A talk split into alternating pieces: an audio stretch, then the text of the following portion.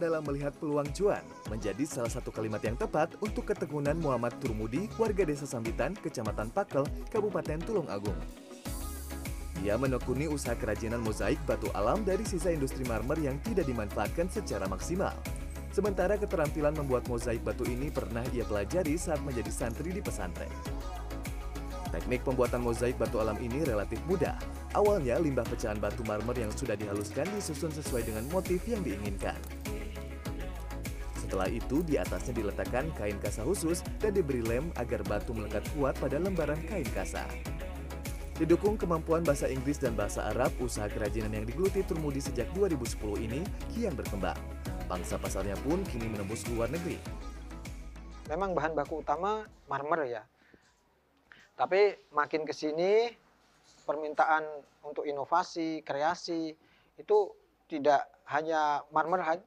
Selama ini TSM sudah ekspor ke beberapa negara.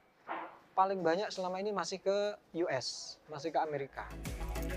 Dalam sebulan, Termudi bisa memproduksi dan menjual mozaik batu alam sebanyak 2.000 hingga 5.000 meter persegi. Di pasaran, mozaik batu alam ini dijual dengan harga Rp90.000 hingga Rp350.000 per meter persegi. Berhenti bekerja sebagai buruh pabrik di Boyolali, Erin Anissa menekuni hobinya dalam seni melukis. Bukan melukis biasa, Erin memilih melukis wajah atau skate dengan media glitter yang memiliki warna emas. Dalam membuat lukisan glitter, pertama dibuat pola yang menyesuaikan dengan desain pesanan klien. Setelah pola terbentuk, kemudian dioleskan lem mengikuti bentuk pola, dan terakhir taburkan glitter di atas lem.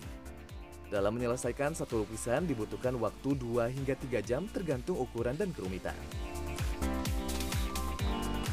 Selain itu, Erin juga mengembangkan kerajinan lainnya dengan membuat buket bunga dan hampers. Semua karya yang dihasilkan sejak 2019 ini biasanya dipesan untuk kantaran atau kado kepada orang yang spesial via media sosial. Bahkan Erin pernah mendapatkan pesanan dari luar negeri seperti Jepang dan Singapura.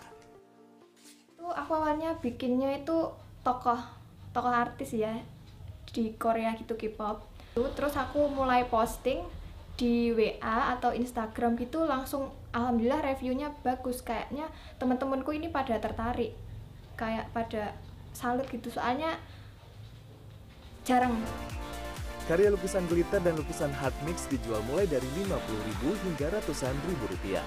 Dan dari usaha rumahan ini mampu menghasilkan omset hingga 5 juta rupiah per bulan. Tim Liputan CNN Indonesia.